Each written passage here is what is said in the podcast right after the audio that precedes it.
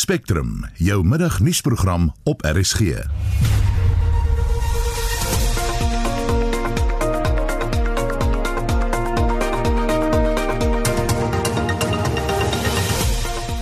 In Spectrum vanmiddag ontleed ons die betekenis van die konstitusionele hof uitspraak teen Jacob Zuma.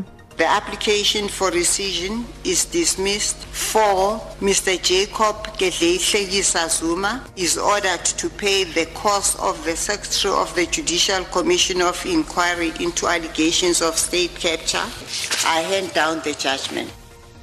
Jy kan die naweek registreer om te stem in die plaaslike regeringsverkiesing. Alhoewel ons nou die protokols en goed in plek gaan hê vir Saterdag en Sondag, sal dit baie help indien meer mense dan aanlyn registreer. En die regering beplan om 'n houermaatskappy te stig om aandele in staatsbeheerde ondernemings te bestuur. Goeiemiddag, ek is Susan Paxton.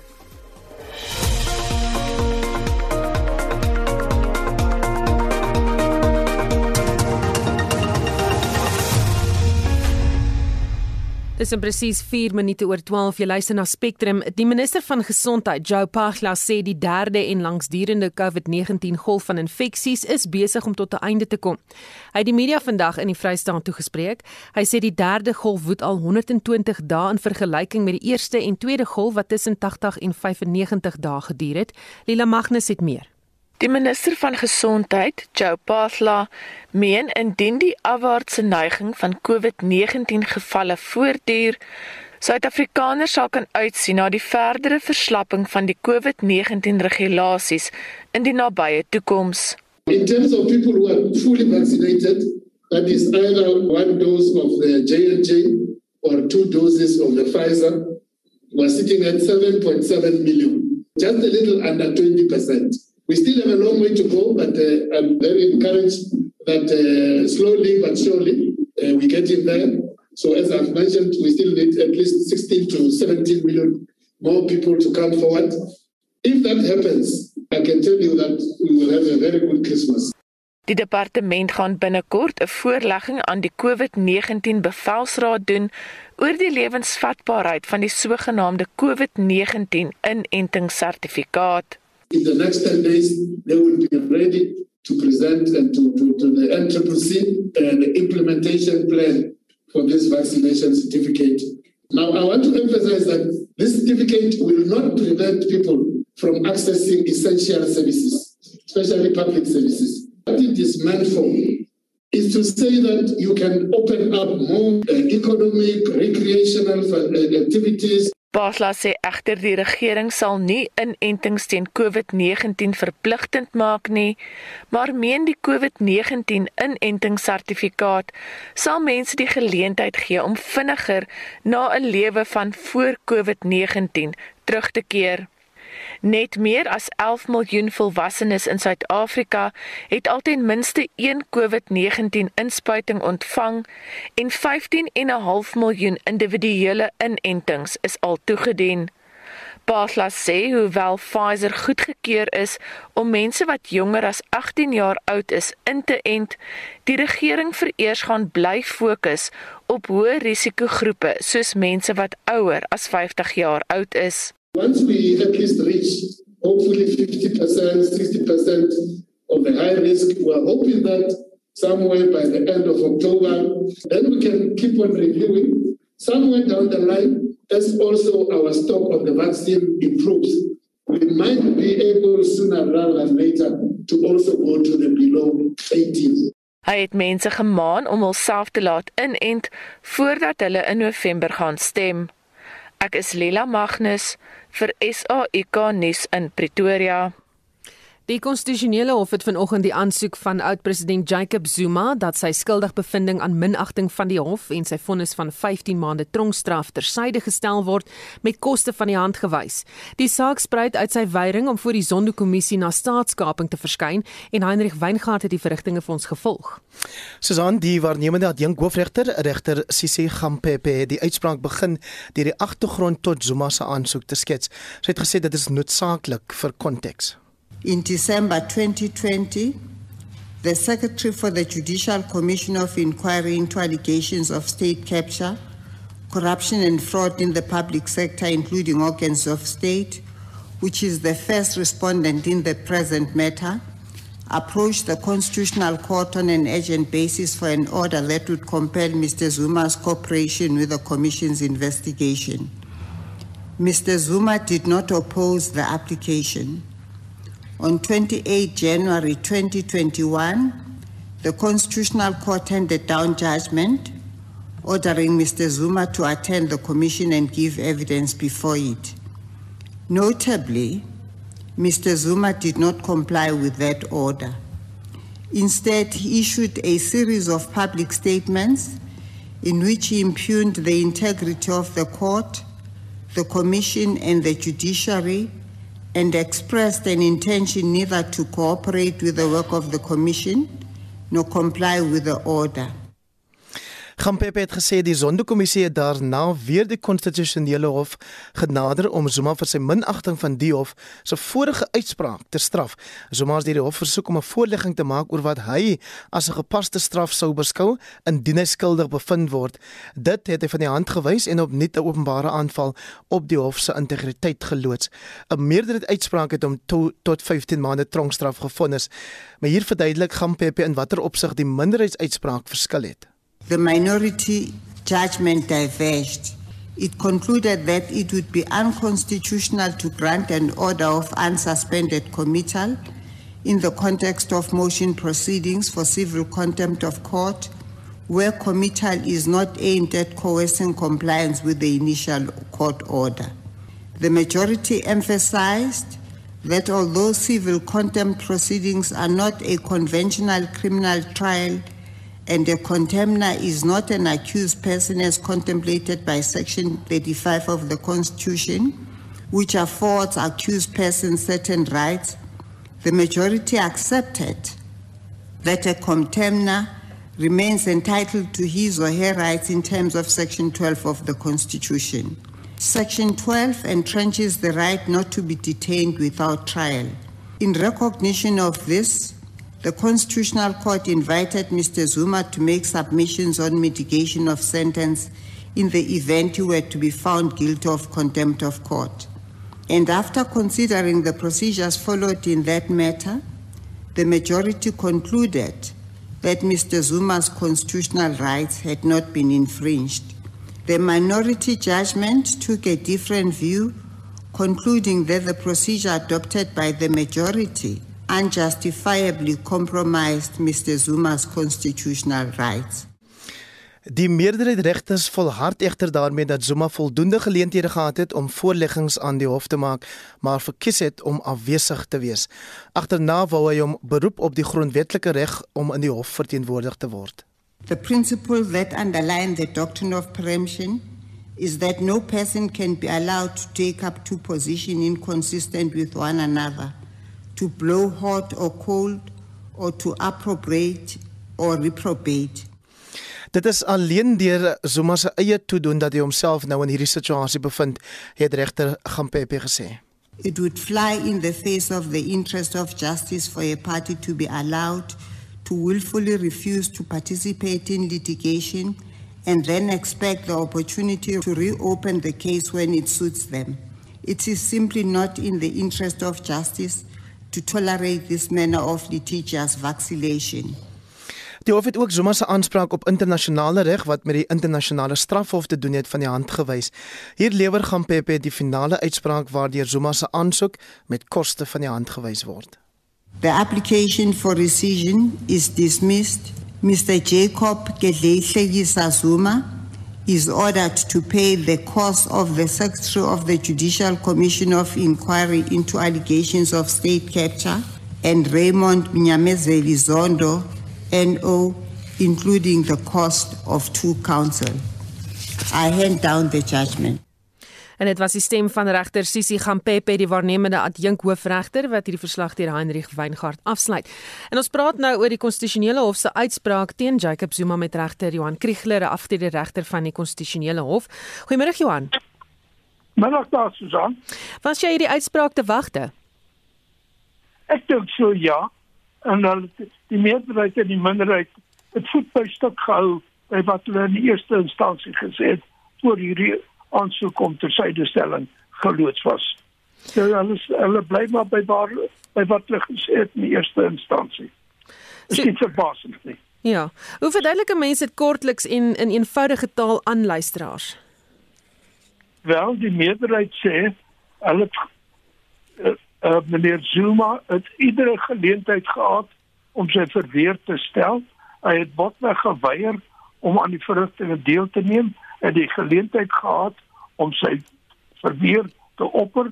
Hy het dit van die hand gewys. Hy kan nie nou kla dat hy nie uh, verhoor gehad het nie. Hy kon een gehad het en hy het dit geweier. Die minderheid daarteen sê wat ook al aan my mense gedrag, jy's geregtig om 'n behoorlike verhoor te hê soos in 'n strafhof. Die meerderheid sê hierdie is nie 'n strafhof nie, dis heeltemal 'n ander omstandigheid. Uh, jy jy sien die een kant of jy sien die ander kant. Hoe moet die publiek probeer sin maak daaruit dat daar weer nie 'n een eenparige uitspraak was nie? Ek onthou vorige keer was dit nogals 'n uh, groot ding. Ja, dit is 'n baie sterk meerderheid egter. Uh die die, die, die feit dat daar twee teen stribbelers is beteken nie dat 'n hoë oor grootte meerderheid van die konstitusionele hof beslis het dat meneer Zuma nie op hierdie stadium kan aanspraak maak om weer sy stem te laat hoor in die konstitusionele hof nie. Hoe betekenisvol is dit dat die aansoek ook met koste van die hand gewys is? Ja, nee, dit wys dat die konstitusionele hof meen dat meneer Zuma nie 'n uh, eh, goeie vrou 'n konstitusionele punt wou opper nie uh dat uh, hy bloot sy eie belang bevorder het en daarom kan hy nie vra dat die koste van die verhoor nie teen sy rekening toegewys word nie. Die konstitusionele hof sal as hulle dink jy het 'n goeie trou 'n konstitusionele punt probeer opper sal hulle jou beskerm teen 'n koste bevel. Maar as hulle dit nie dink nie, dan sê hulle jy moet die gelag betaal. Het die uitspraak enige implikasies vir Zuma se vonnis en die mediese parol wat intussen aan hom toegestaan is? Nie sover ek kan sê nie die parol is heeltemal 'n administratiewe kwessie wat los staan van wat vanoggend beslis is. En dan sommer 'n ander kwessie, wat is jou mening oor die president se uitnodiging aan Suid-Afrikaners om hulle eie voorstelle te maak vir 'n nuwe hoofregter? 'n Luisteraar het vanoggend op Monitor voorgestel dit moet jy wees. Uh, en beginsel is dit seker 'n 'n gunstige besluit om om die algemene publiek se mening te vra. Ek meen egter in freedom and law meen egter dat die proses en die komitee wat saamgestel is nie heeltemal opgewasse is om te beoordeel wie vandag op die regbank sit en wie vandag geskik is vir aanstelling as die nuwe hoofregter nie. Ons het ons bedenkinge oor die die kapasiteit van die mense wat aangewys is.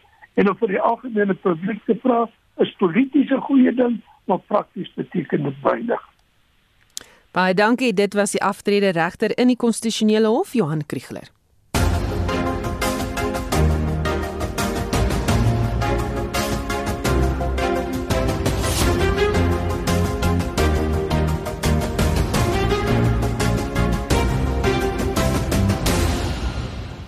Jy daardie klingel hoor, dan weet jy al dit gaan 'n uh, eh, politieke nuus wees. Nou die minister van binnelandse sake, Dr. Aaron Motsoaledi, het die media kort voor Spectrum toegespreek oor die departement se gereedheid vir die komende kiesersregistrasie naweek.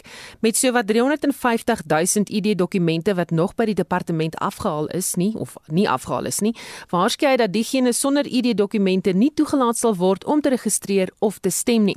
Volgens Motsoaledi is hulle veral bekommerd oor Gauteng, KwaZulu-Natal, die Oos-Kaap en die Wes-Kaap. Die departement gaan die naweek betrokke wees by die registrasieproses en jy sal 'n geleentheid kry om jou ID af te haal. We are deploying a staff, a total staff of 3039 employees throughout the whole country. The services that are going to offer is issuance of temporary identity certificate. A temporary identity certificate is given to a person who had an ID before and either has lost it or is damaged or is no longer have it this person is in our systems. That means the person, we've got the fingerprints of that person, we've got the photo, We've got all their details. All we do is to issue a temporary ID. It is very fast to issue it. It is accepted as identification by the IEC. We are also going to give a service of collection of the IDs I've just mentioned, both uh, green barcoded and smart IDs. If you go to any of the offices that I'm going to show now, you can collect them if you are one of the people who did not collect. We are also going to do manual verification of identity certificates of TICs. In other words, to veri- verify that the TIC you are carrying is authentic. And lastly, and very importantly, we are going to try and resolve challenges pertaining to duplicates. There are people who come with duplicate IDs. This is from the legacy of the previous ID systems, which was there before the elections in 1994 when we, we still have numerous governments in the country. We're still suffering from such legacies. We are also going to do amendments. Anybody who want to change something from the ID, either it's a wrong number or a wrong spelling of the surname or a wrong surname, etc. Then we'll also do rectifications and dead alive cases Dit was die minister van binnelandse sake, Dr. Aaron Motsoaledi. Nou onthou om die naweek te registreer om te kan stem in die komende plaaslike regeringsverkiesing. Die woordvoerder van die onafhanklike verkiesingskommissie, Granwell Williams, het vroeër aan Spectrum gesê die beste is nou om aanlyn te registreer. Daar's nie uh, uh meer enige rede om in toue te staan of jou Saterdag of Sondag op te offer nie. En indien jy dit sommer nou wil doen, dan kan jy na ons webtuiste gaan. Dis elections.org.za en as jy op ons tuisblad kom is daar dan 'n register to vote or update address now met 'n soort van 'n nuwe badge wat sê new en hy is heel bo en as jy op hom klik en dan word daar vereis net om jou ID-nommer in te vul dan kan jy dan jou telefoonnommer en jou ID-nommer en dan word jy dan 'n pin gestuur wat ons noem 'n OTP, 'n one time password wat jy dan gebruik om jou profiel te skep. En dan kan jy voortgaan of jy nou 'n nuwe 'n uh, nuwe kiezer is of jy re reeds geregistreer is en dan nou net jou adres wil verander, dan kan jy dan voortgaan en en dit dan wysig of dan van nuuts af te registreer. En dis 24 ure 'n dag. En jy kan onmiddellik gaan nou, soos en nou. Jy kan onmiddellik gaan en dokumentasie wat mens nodig het? Ja, dit is baie belangrik om te verseker dat ons weet wie jy is en dat jy nie namens iemand anders gaan registreer nie, word dit vereis dat jy 'n foto van jou ID-dokument en dit kan nou 'n slimkaart wees, jou ou groen ID-boekie of uh, die wat dan 'n tydelike registrasiesertifikaat het enige van daai drie dokumente net 'n foto daarvan neem en dan oplaai.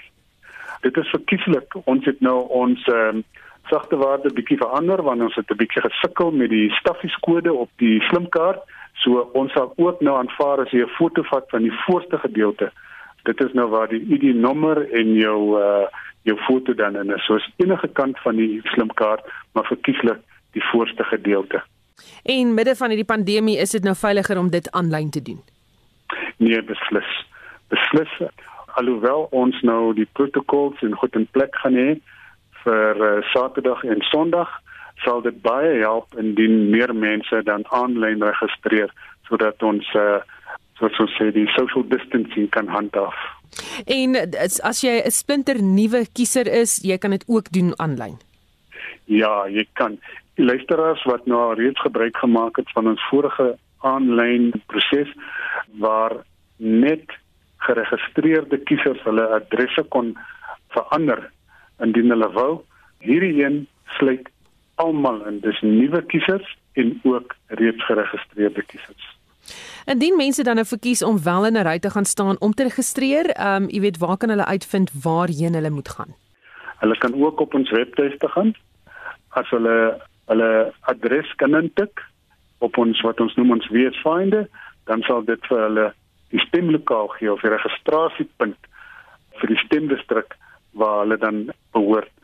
Die wat dan nou nie toegang het tot die internet nie, hulle kan ook ons callcenter bel, dis 0800 11 8000 en hulle kan ook dan soortgelyk ook dan vir 'n kiezer dan help om uh, vir hulle te aan te dui waar hulle registrasiepunt is. En die dokumentasie wat jy daar moet saamneem? Dis dieselfde, dis 'n ID-boekie. Maar ek wil ook sê dat as gevolg van die nuwe tegnologie wat ons het, voorheen moes jy na jou stemlokaal toe gegaan het. Want ons het met kaarte gewerk en jy kon net in daai stemlokaal registreer of jy kon nie daar geregistreer gewees het. Maar as gevolg van die feit dat ons nuwe tegnologie het en ons tegnologie is gekoppel aan die internet, kan jy eintlik na enige OVK registrasiepunt toe gaan. Maar jy moet net oplet dat jou adres sal bepaal waar jy moet gaan stem. En dit sal ook vir jou dan aan die lig gebring word as jy nou klaar geregistreer is. Maar jy kan basies na enige registrasiepunt toe gaan as gevolg van die nuwe tegnologie. En dit was die woordvoerder van die VK Granwell Abrams Sondag aand op kommentaar praat ons weer met hom om te hoor hoe die registrasie naweek toe nou verloop het. Die ander gaste in kommentaar is professor Joansi van Wyk, Kevin Nulls en Wanner Riemann skakel Sondag aand omstreeks 8:00 in vir kommentaar.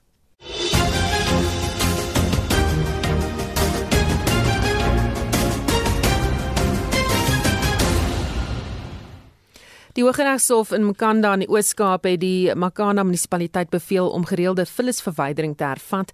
Hulle moet huishoudings ook van asblikke of vullissakke voorsien. Gemeenskapslede het die hof genader nadat klagtes aan raadslede op dowe ore geval het. Vir sy mening sluit 'n professor in regeringskunde en die dekaan van die skool vir sosiale innovasie by Huguenot College, Erwin Schwella by ons aan. Goeiemôre Erwin. Middag Susan, middag luisteraars. Hierdie is nie die enigste munisipaliteit waar die howe moes ingryp om swak dienslewering vas te vat nie. Hoe algemeen kom dit in die land voor? Al hoe meer algemeen Susan, uh, ons weet byvoorbeeld van die Getsleng uh, rivierkwessies uh waar dit gegaan het oor oor watervoorsiening en rioolsake. Daar's 'n verskeidenheid ander plekke waar die howe al moes ingryp om dienslewering te kry om te funksioneer. En daar is gereeld uh, situasies waar byvoorbeeld uh, wanbetalings plaasvind Uh dit is uh eintlik 'n jammerlike situasie dat dit toenemend die geval is dat die howe opdragte moet gee in die vorm van bevele dat munisipaliteite dit wat hulle grondwetlike opdrag is uitvoer. En die plaaslike verkiesing is om die draai, maar is die skade wat in munisipaliteite soos die aangerig is reeds te erg? Daar's ernstige sistemiese gebreke by plaaslike regering in Suid-Afrika. Dit beteken dat eintlik ehm um, het ons nou die plaaslike verkiesing, maar die vraag word of dit hoegenaamd 'n verandering gaan teweegbring. Die wat goed funksioneer, kry dit reg om goed te funksioneer min of meer ondanks al die probleme en die wat sleg funksioneer, dink ek gaan baie moeilik beter funksioneer as gevolg van bloot die vervanging van die huidige amptbekleders in die plaaslike regering. Ek gebruik soms die metafoor om te sê dit is so iets soos jy het 'n 'n visbak uh, waarin jy nou 'n klompie uh, goudvisse aanhou. Ehm um, en jy vervang die goudvisse, maar die water is toksies want die bak staan op die verkeerde plek en word op 'n of ander manier besoedel deur uh, stowwe van buite. So dit help nie eintlik op hierdie stadium in die gevalle waar dit so sleg gaan dat die water eintlik toksies is om die visse te vervang nie. Nuwe visse gaan maar net vergiftig word deur die water en gaan waarskynlik ook net bydra tot die verdere vergiftiging van die water. Dis 'n baie jammerlike en miskien effens siniese siening, maar dit is ongelukkig die realiteit. Hmm. En Makanda het 'n groep gemeenskapsaktiviste wat by die hofproses betrokke was, die Makana Citizens Front gestig. Hulle gaan nou deelneem aan die plaaslike verkiesing om dinge te probeer regryk. Uh, jy weet hoe groot is die kandidaat se kans om verkies te word? Nou, uh, dit weet mense natuurlik nie, dit hang af van die hele uh, magskonfigurasie in daai betrokke Makana um, munisipaliteit. Wat wel waar is is dat daar 'n toenemende tendens is en ek dink een wat uh, heeltemal begryplik is en waarskynlik ook eh, 'n uh, goeie bydrae te kan maak tot die moontlike verbetering van die situasie. En dit is 'n poging van burgerlike verenigings om die geleentheid te gebruik om uh, hulle lede verkiesbaar te stel en daarmee 'n poging aan te wend om die munisipaliteite te kom ons sê ontpartypolitiseer. Mense kan nooit munisipaliteite volledig depolitiseer nie. Maar mense kan 'n poging aanwend om minder partytetiek uh, in die in, in die plaaslike omstandighede in te dra en 'n baie groter fokus te plaas op dienslewering soos waterdienste, rioleringsdienste, infrastrukturele dienste. Um, en ek dink ons gaan daai tendens sien groei. Uh, Daar's ook groter rolspelers daarbey betrokke. Ons weet byvoorbeeld dat uh, meneer Musi Maimane se One South Africa movement eh, 'n groot klomp plaaslike owerheidsverteenwoordigers ondersteun van burgerlike verenigings wat uiteindelik dus nie aan partytetiese uh uh um, koneksies gekonnekteer is nie en ons moet kyk hoe daai tendens ontwikkel. In beginsel dink ek is dit 'n 'n 'n waardevolle bydrae. Dit gaan nooit partytetiek volledig vervang nie, want die party partye gaan natuurlik weerstand bied, maar ek dink dit kan eintlik bydra as ons die vir partypolitisering uh, minder maak op plaaslike owerheidsvlak. Ek wil of jou vra, weet, is hulle opgewasse vir die politieke ry in plaaslike regering? Wel, dis 'n vraag. Uh, dit hang af van die uh, van van die vermoë van die aktivisme en uiteindelik ook die uh, die die die die wel die vermoë en die vasbeslotenheid van die aktivisme. So ek dink dit gaan 'n relatief gemengde beeld wees. Ehm um, daar is verseker institusionele ondersteuning. Ek het reeds genoem van die One South Africa movement vir groepe van hierdie mense en uh, hulle kan ook as gevolg van die plaaslike owerheid kiesstelsel waar jy proporsionele verteenwoordiging en ook kiesafdelingsverteenwoordiging het, kan hulle 'n rol speel en veral dink ek Susan wanneer koalisiepolitiek te sprake kom. Want uh, ons moet nou aanvaar dat daar in baie meer munisipaliteite by hierdie verkiesingsronde uh, uiteindelik situasies gaan wees waar daar gelykopverdelings is en dan kan hierdie onafhanklike kandidaate hulle manifeste gebruik om bepaalde onderhandelinge te voer met wie hulle dan kan help om aan regering te kom sodat hulle agendas van plaaslike dienslewering ook kan inspel.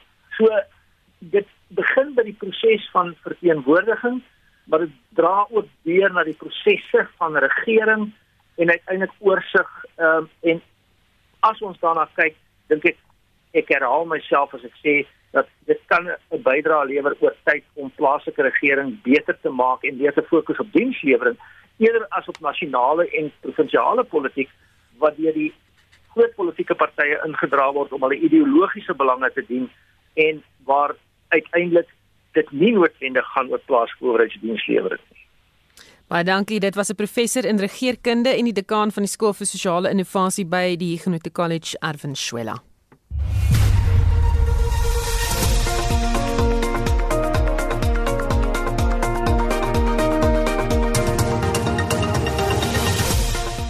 In die volgende halfuur, omgewingsaktivis sê Gauteng moet verantwoordelikheid neem vir die besoedeling wat sy vuilriviere in die res van die land veroorsaak. Dis eintlik maar altyd net so onder die Kaap gesweep en Gauteng moet eintlik maar 'n bietjie verantwoordelikheid vat vir al die goed wat hy uitpomp in die res van die land. Die Bokke wil verlede Saterdag se foute teen Australië môreoggend regstel. Vir ons is dit om op te gaan en 'n impak te maak en ja, miskien omgekeerde besit vir ons span te gee waarvan ons kan attack. En 'n ruimterommel kan iets van die verlede wees as 'n nuwe maatskappy hulle sin kry. Bly ingeskakel.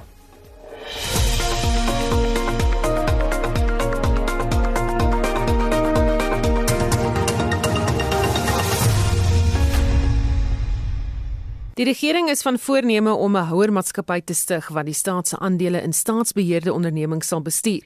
Ons kry 'n reaksie by professor Janie Rousseau van die Wits Besigheidsskool. Goeiemiddag Janie. Maar dat Susanne, goeiemiddag aan die luisteraars.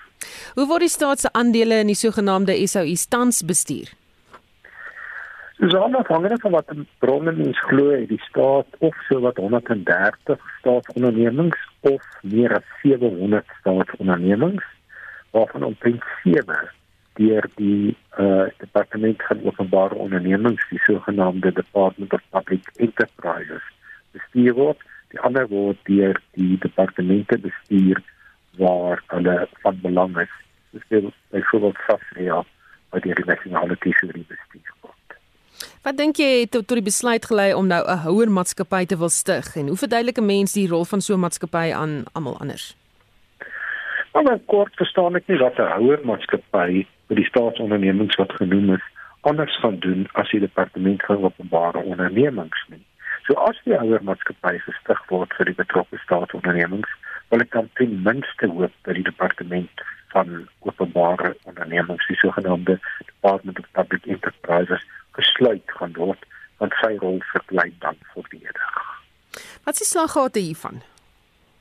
Wel, uh, Susan of 'n mens nou swak bestuurde ondernemings binne 'n staatsdepartement akkommodeer en of jy dit binne 'n uh, hoër maatskappy struktuur akkommodeer gaan geen verskil maak nie, behalwe dat jy binne 'n hoër maatskappy struktuur waarskynlik hoër salarisse gaan betaal as wat jy in die staatsdiens gaan betaal. So iemand sien sekerlik hier 'n geleentheid om meer salarisse te verdien.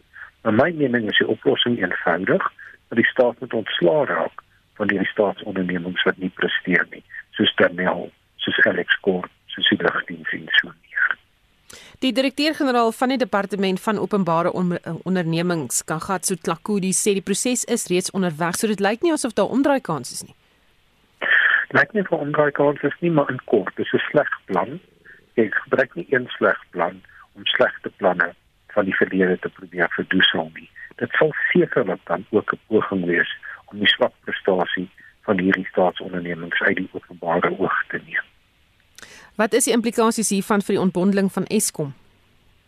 Maar Eskom sal ontbondel word na die houer maatskappy van Eskom volgens wat ek hierdie plan lees sal dan binne 'n verdere houer maatskappy vir staatsondernemings geplaas word. So dit regtig strukture geskep eerder as om onderliggende probleme aan te spreek. Janik, ons gaan net terug na iets wat jy nou uh, vroeër gesê het, um, en dit is uh, hierdie houer maatskappy uh, gaan gebruik word om al hierdie onbevoegdhede en wanbestuur van openbare of SOEs, as ek dit so kan stel, of SOEs dan nou heeltemal uit die openbare oog te hou dan. Ja, ek is bang dat dit die geval gaan wees, want dit is nie vir my duidelik of hierdie openbare houer maatskappy aan die parlement verslag sal moet doen op dieselfde wyse is vir die uh, departement van openbare ondernemings om op die parlement verslag moet doen. Baie dankie, dit was professor Janie Rousseau van die Wits Besigheidsskool. Gauteng moet verantwoordelikheid neem vir die skade aan die omgewing en die besoedeling wat sy vuil riviere in ander provinsies veroorsaak. Die week is plastiekherwinningsweek en die fokus is op riviere in die binneland. Willem Snyman van die nie-regeringsorganisasie Fresh sê die besoedeling van riviere in die provinsie is op 'n ongekende vlak. Snyman bestuur die skoonmaakproses van die Henopsrivier in Centurion en sê daar kom sowat 1000 ton vullis per jaar in die rivier af. Die skerry ding van daai plastiek is dat hy eintlik in daai akwatiese stelsel gaan bly, jy weet mense party net sê 500 tot 1000 jaar, jy weet daai hy breek nou af tot microplastics en daai goed kom in die hele voedselketting in. Dit is 'n ongelooflike toksiek ding, jy weet veral naby water, jy weet so hy nou in al daai diere se habitat inkom, jy weet so ek dink mense moet baie versigtig wees en regtig al goed jy weet ek, wat ons sien is die mense het geen idee eintlik dat dit riviere is nie. Hulle loop in met met rubbish um jy is vullis dromme en keer dit dan om in die middel van die stroom jy weet. En dit is eintlik ongelooflik jy weet dat dat sulke goed gebeur jy weet. En ons geen eintlik gedagte aan aan wat onder lê nie jy weet waar jy maar plastiek gaan. Weet dit kom nou alles eintlik maar net in die omgewing jy weet. So ons ons dink eintlik daai soos miskien so 100 000 ton 'n jaar kom daar af, jy weet, en dit gaan alles net maar net vassit in die omgewing ergens lê onder in die riviere, onder in die damme, weet, dit is ongelooflike probleem eintlik, jy weet, wat wat so stilletjies eintlik maar net verby van omdat niemand eintlik dit wil eers raak sien jy weet, en wat ons sien met die plastiek, daar's omtrent geen recycling nie, niemand wil dit goed hê nie, jy weet, eintlik wat hulle wil doen is net die hele tyd nuwe plastiek maak, jy weet, so niemand soek eintlik om regtig al plastiek behalwe dit baie skoon is en dit kom uit 'n factory uit wil niemand eintlik enig van daai plastiek recycle nie. So ons het maar 'n paar mense gekry wat miskien polystyreen sal vat of sê maar dit is eintlik die manufacturers van die goed, jy weet, daar is geen denke waar waar jy nou goed gaan of wat daarvan word nie. Jy weet, so ek dink eintlik persoonlik plastiek is heeltemal ewel, jy weet, mens kan nog goeie goed doen, maar disposable plastics, ek weet nie waar dit vandaan kom nie, maar in die omgewing dit is die ergste plek waar dit kan wees en so ja nee, ek dink mense moet baie versigtig wees met wat hulle koop eintlik jy weet. So dit is net maar die enigste manier hoe mens druk kan sit op die op die manufacturers om daai plastiek te verminder jy weet. Want dit hoef nie daar te wees nie dit is net maar net gewoonte geraak en hierdie rivier hoe belangrik is dit dat hy moet skoon bly want jy weet daai plastiek wat daar afspoel as jy inloop met jou asblik en jy tipe hom daarom en dit begin wegspoel mm.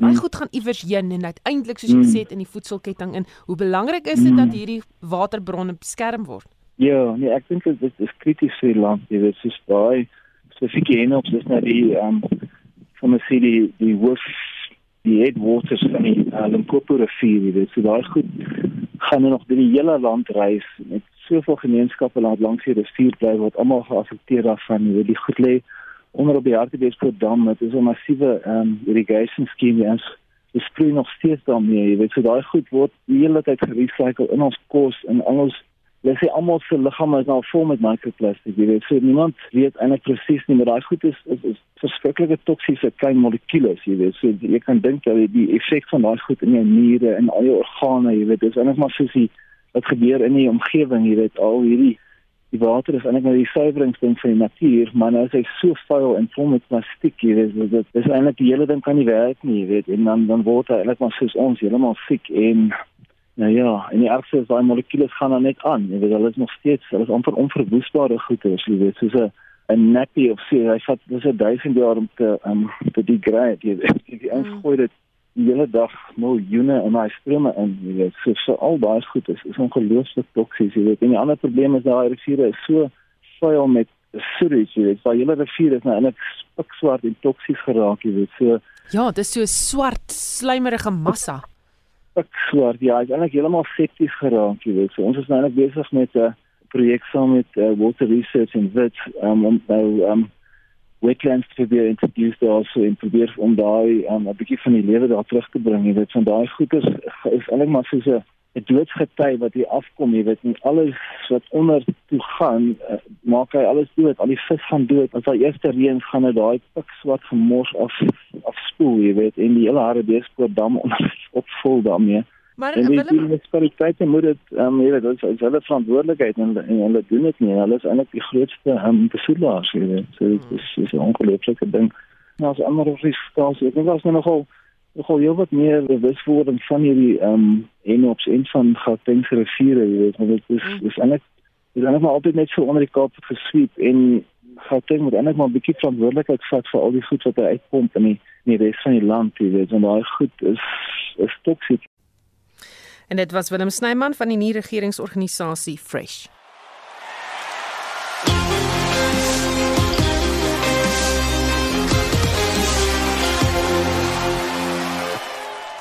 Die Springbokke is vasbeslote om verlede Saterdag se foute teen Australië môreoggend reg te stel in die twee spanne se herontmoeting in die rugby kampioenskappe. Daar's net een verandering aan die boksspan gemaak. Die flankwaga Smit sê die wêreld rugby kampioene vaar altyd beter onder druk en kan nie bekostig om die wedstryd te verloor nie. Ons is 'n klomp soos jy sê baljagters wat op die bank is. Vir ons is dit om op te gaan en 'n impak te maak en ja, miskien omgekeerde besit vir ons span te gee waarvan ons kan attack. Ja, ek dink definitief dit help baie as 'n mens 'n paar spelers op die veld het want baie keer gaan ek nie oor die turnovers wat gemaak word nie, maar daai 1-2 sekondes wat ons ekstra kry by 'n rak geen net kans vir ons defense om weer te set en van die lyn af te kom. So dit maak definitief 'n verskil en dit help ook baie met die verdediging. Ons bly by die storie en praat met Shafiq Maton, 'n sportskrywer van die Son. Goeiemôre Shafiq. Goeiemôre Susan, ek kom saam met jou gesels. Sê vir my, hoe kan die Bokke môre hulle reputasie as wêreldbeker kampioene in die Sankop stadion herstel? Ek dink Suid-Afrika is veronderstel om môre se wedstryd uh, te wen. Hulle sal seer wees na verlede week. Hulle hulle teen die verwagtinge in moet mense verloor het. Veral as jy in ag neem dat hulle heel gemaklik met die Argentynë en Quebec afgereken het uh, in die rugby kampioenskap en ook natuurlik die reeks die Brits en Ierse leeu's gewen het. So uh, ek dink daar was 'n kans dat hulle nog later in die wedstryd kon wen, maar ongelukkig is hulle gestraf en ons weet dat Koi Cooper toe daai strafskop oorgeskop het. Ek dink dit is dalk 'n uh, 'n uh, uh, tydige weg weggroep vir die bokke want hulle hulle het nie so gemotiveerd voorgekom as wat hulle was vroeër in die jaar nie en 'n mens moet dalk die vraag vra of hulle die Aussies geonderskat het. Maar ek dink hulle sal die week met 'n reuse aanslag vorendag kom en behoort as jy vir my vra waarskynlik met 5 tot 10 punte te wen. Watter rol sal die slot lood die jager se afwesigheid in die pak speel? Lood is deurdaad die leier van van die lynstaande. Hy is nou ervare ook met meer as 50 toetse en hy bring daai daai hard, harde werkesel verrigting sal ek sê na die spel toe. Maar in Marvin Ori hy het nou nie die ervaring van 'n Lotie hy het 'n handvol toetse op die stadion maar hy is ook 'n ervare speler op provinsiale en franchise vlak wat ook saam met Eben Etzebeth op skoolvlak reeds gekombineer het. So dat vanmôre is dit vir hom 'n groot vierde op doop maar uh, regtig 'n kans vir hom ook om uit manne soos Loot en Franco Mostert se se skade weer uit te beweeg en en letterlik 'n klein vir 'n uh, plek in die beginspan vorentoe af te steek. Jason Colby is hierdie keer soos laasweek afwesig op vleuel, skep dit probleme vir die span. Ek dink wat ons mis van Cheslin is daai onvoorspelbaarheid, daai X-faktor wat Spoon Kosia het sy sy deegdaas vleuel, maar hy en Makazole Mapimpe dalk nie daai onvoorspelbaarheid van van Cheslin en vir al die voetwerk en spoed. Ehm um, soos ek sê, uh, in Kosia het sy deegde, maar as ons nie vir die manne soos Willie Leroux en Mapimpe en Kosia gaan spasie skep nie, en die manne moet heeldag hoë balle jag dan dan dan maak dit nie veel sin om die manne te hê nie. So op die einde van die dag dink ek Kalbi behoort volgende week terug te wees en hy bring net daai iets ekstra vir al op die aanval na die bokke se se spelpatroon. Die voormalige Engelse afrigter Sir Clive Woodward sê rugby sal binne 5 jaar dood wees as dit die bokke se spelpatroon volg. Stem jy saam? Gedeeltelik. Ek moet sê die die bokke se patroon op hierdie stadium vind ek 'n bietjie verouderd, veral as 'n mens in ag neem dat ons in 2019 suksesvol was met daai uh, spelpatroon en ook natuurlik teen die teen die leeu's gewen het. Maar ek dink as jy manne soos die name wat ek nou genoem het, uh in jou agterlyn het, dan moet jy hulle gebruik te, ten goede van die van die van die span en daai spelers is nie ingeskakel om byvoorbeeld heeltyd op en anders te jaag en en so meer nie. En selfs manne soos Pollard en Faf as jy hulle gaan vra gaan hulle sê hulle hou van van die bal in die hand het en die bal lig gee. So ek vermoed dat ons een of ander stadium met onder Jacques Ninaber en Rassie Erasmus dalk moet eh, 'n uh, kopskuif moet hê en hulle sê dis deel van ons van ons DNA om so te speel. Maar as jy kyk na die personeel tans tot ons beskikking dan is dit dalk nie 'n slegte idee om die bal bietjie meer lig te gee nie. Ehm um, want jy het die, jy het die spelers, jy het die personeel en jy het die vaardighede. So hoekom gebruik jy dit? Dit nie. Baie dankie. Dit was Shafiq Mouton sportskrywer by die Son.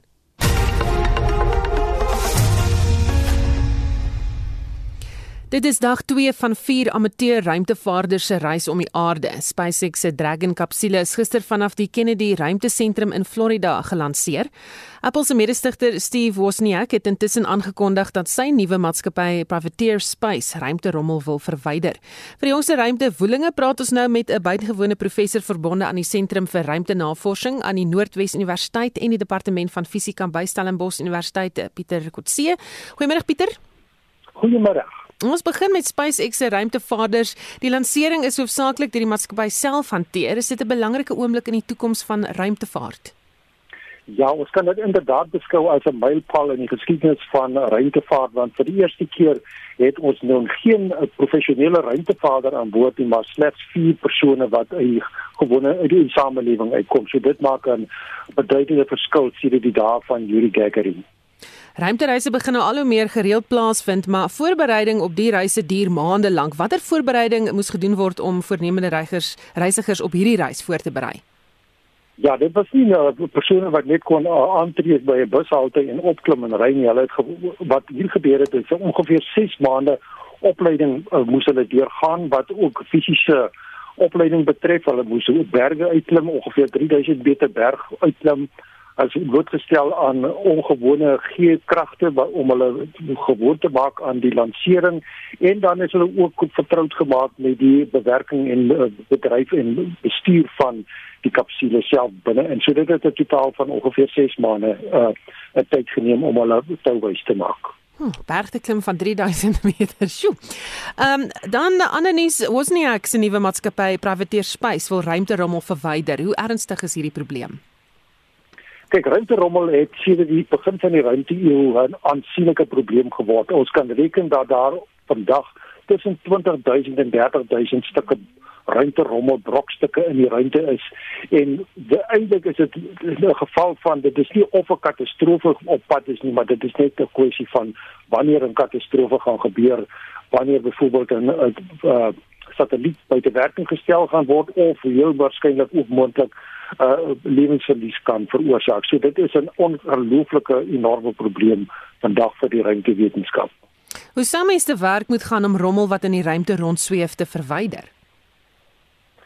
Kyk, om dit te doen is nie 'n triviale uh, uh, uh, oplossing daarvoor nie. Ek dink daar's heelwat ruimte sê 'n agentskappe wat al die aandag aan die probleem gee, byvoorbeeld NASA en ook die Europese en ook die Japaneese renteagentskap. So uh, Apple of Steve Wozniak van uh, stigterlid van Apple is het nou met hierdie uh, private inisiatief voor in dag gekom. So daar's eintlik nog geen werklike inligting beskikbaar nie, maar mense sal maar die ruimte moet dophou en sien wat hy voor in dag gaan kom want om op 'n of ander manier sal hierdie ruimte rommel verwyder moet word en daar is verskeie oplossings al aan uh wat ek sê voorgestel maar dit is nog nie in privaat of, of in die praktyk in werking gestel nie.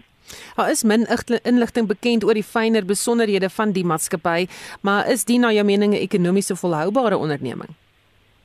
Dit is 'n vraag wat baie moeilik is om te antwoord. Ek dink dit sal 'n kwessie van tyd wees en sien hoe hoe dit gaan uitspeel self maar ek my eie bedenkinge ek dink mense moet liewer maar jou geld plaas in uh, ondernemings soos NASA of ESA die Europese renteagentskap en dan ook JAXA die Japaneese renteagentskap want hulle het 'n bewese uh, baanrekord van rentevaart en hoe dit ook al die tegnologie bemeester of of uh, of werk aan die tegnologie om hierdie renterommel te verwyder het sy met harpoene nette of dan magnetisme of lasers selfs wat ingespan kan word. Baie dankie. Dit was 'n buitengewone professor verbonde aan die Sentrum vir Ruimtenavorsing aan die Noordwes Universiteit en die Departement van Fisika by Stellenbosch Universiteit, Pieter Kotse. Die sakenis word aangebied deur Barry van der Merwe, portefeuljebestuurder by Sanlam Private Welvaart. Goeiemôre Barry. Goeiemôre Suzan. Die markte in Asië het die dag positief afgesluit. In Japan het die Nikkei 225 0.58% hoër verhandel, met die Hang Seng Indeks in Hong Kong 0.9% sterker. Ons plaatsgebeurs verhandel die algehele indeks tans 0.4% swakker, met die hulpbronsektor wat die grootste druk op die beurs plaas en teen 1.8% laer verhandel. Die nywerheidssektor staan 0.6% sterker, met die finansiële sektor wat 0.4% laer verhandel. In Europa verhandel die FTSE 100 0.2% laer, die CAC 40 in Parys 0.2% swakker en die DAX in Frankfurt ook 0.2% laer. Dan verhandel die rand teen R14.63 teenoor die Amerikaanse dollar, R17.23 teenoor die euro en R20.17 teenoor die Britse pond.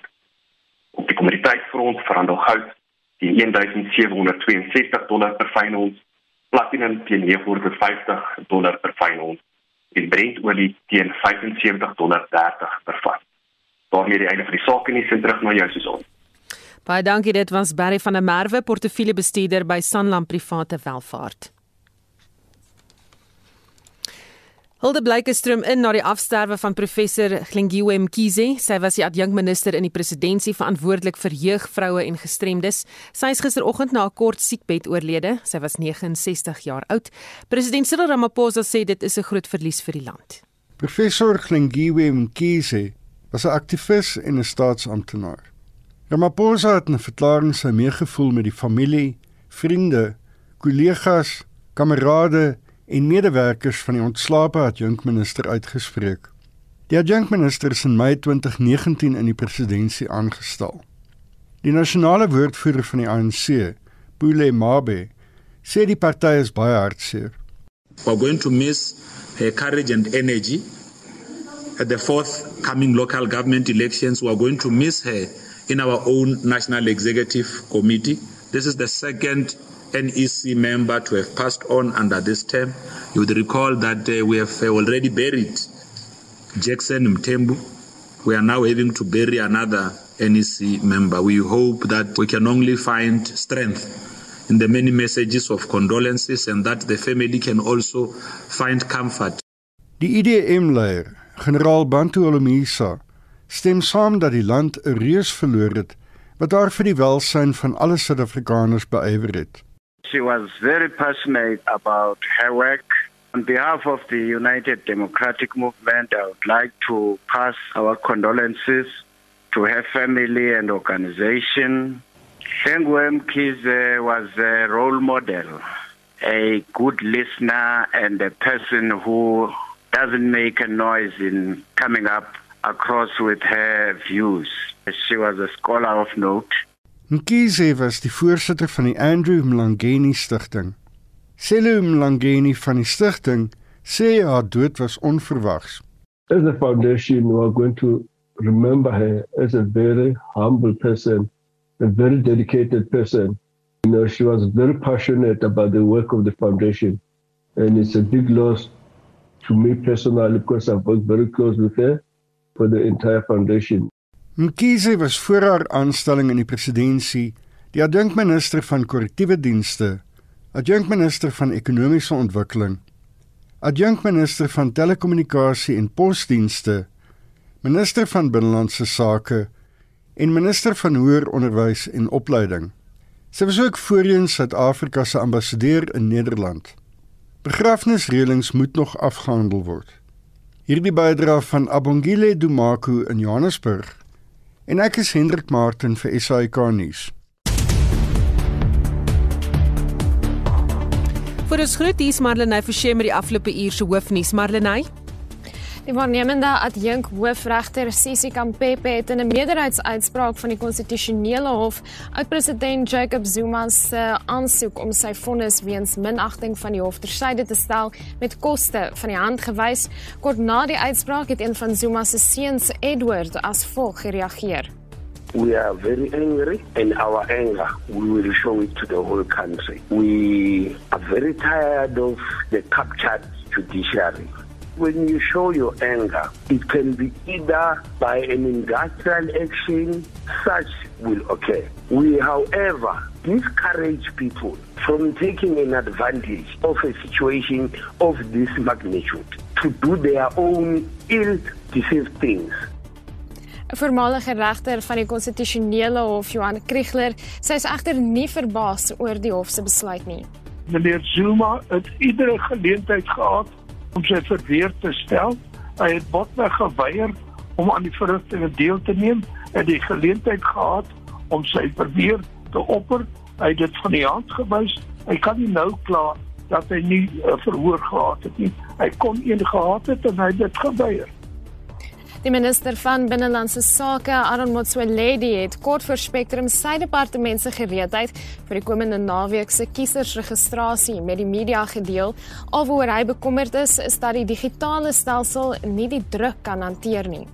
As I've said in parliament about the system downtime which is usually the weakest link in all the home affairs service delivery project. It's something that is giving us sleepless nights, but over the past few days the Chief Information Officer, the DDG, Mr. Mabasa, been sitting with CETA to try and talk to them and make sure that nothing happens. But in addition, we have deployed 49 information technology technicians around the whole country to try and deal with the matter.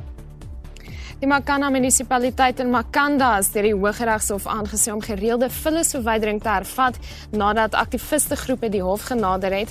Nou professor in regeringskunde Erwin Shwala sê die tendens van die groepe om deel te neem aan die plaaslike regeringsverkiesing kan bydra tot vooruitgang veral wanneer koalisiepolitiek te sprake kom, dan kan hierdie onafhanklike kandidaate hulle manifeste gebruik om bepaalde onderhandelinge te voer met wie hulle dan kan help om aan 'n regering te kom en weer te fokus op dienslewering eerder as op nasionale en provinsiale politiek wat deur die politieke partye ingedra word om hulle ideologiese belange te dien en waar dit nie noodwendig gaan oor plaaslike owerheidsdienslewering nie.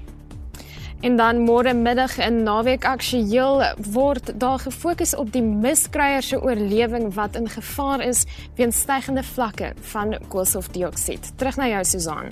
En dit was Marlenae Forsie met 'n opsomming van die afgelope uur se hoofnuus. In 360 net hierna het Martelies iets uh, oor uh, versoening binne 'n maatskappy, die Weskus Vissersdorpie Paternoster en 'n fietsryer en 'n bosbokkie. So bly ingeskakel daarvoor, dit gaan baie interessant wees. daarmee groet die Spectrum span. Ons uitvoerende regisseur is Nicoline de Wet, die redakteur Justin Kennerly en produksieregisseur Johan Pieterse. Ek is Susan Paxton. Geniet jou uh, middag in die geselskap van RSG.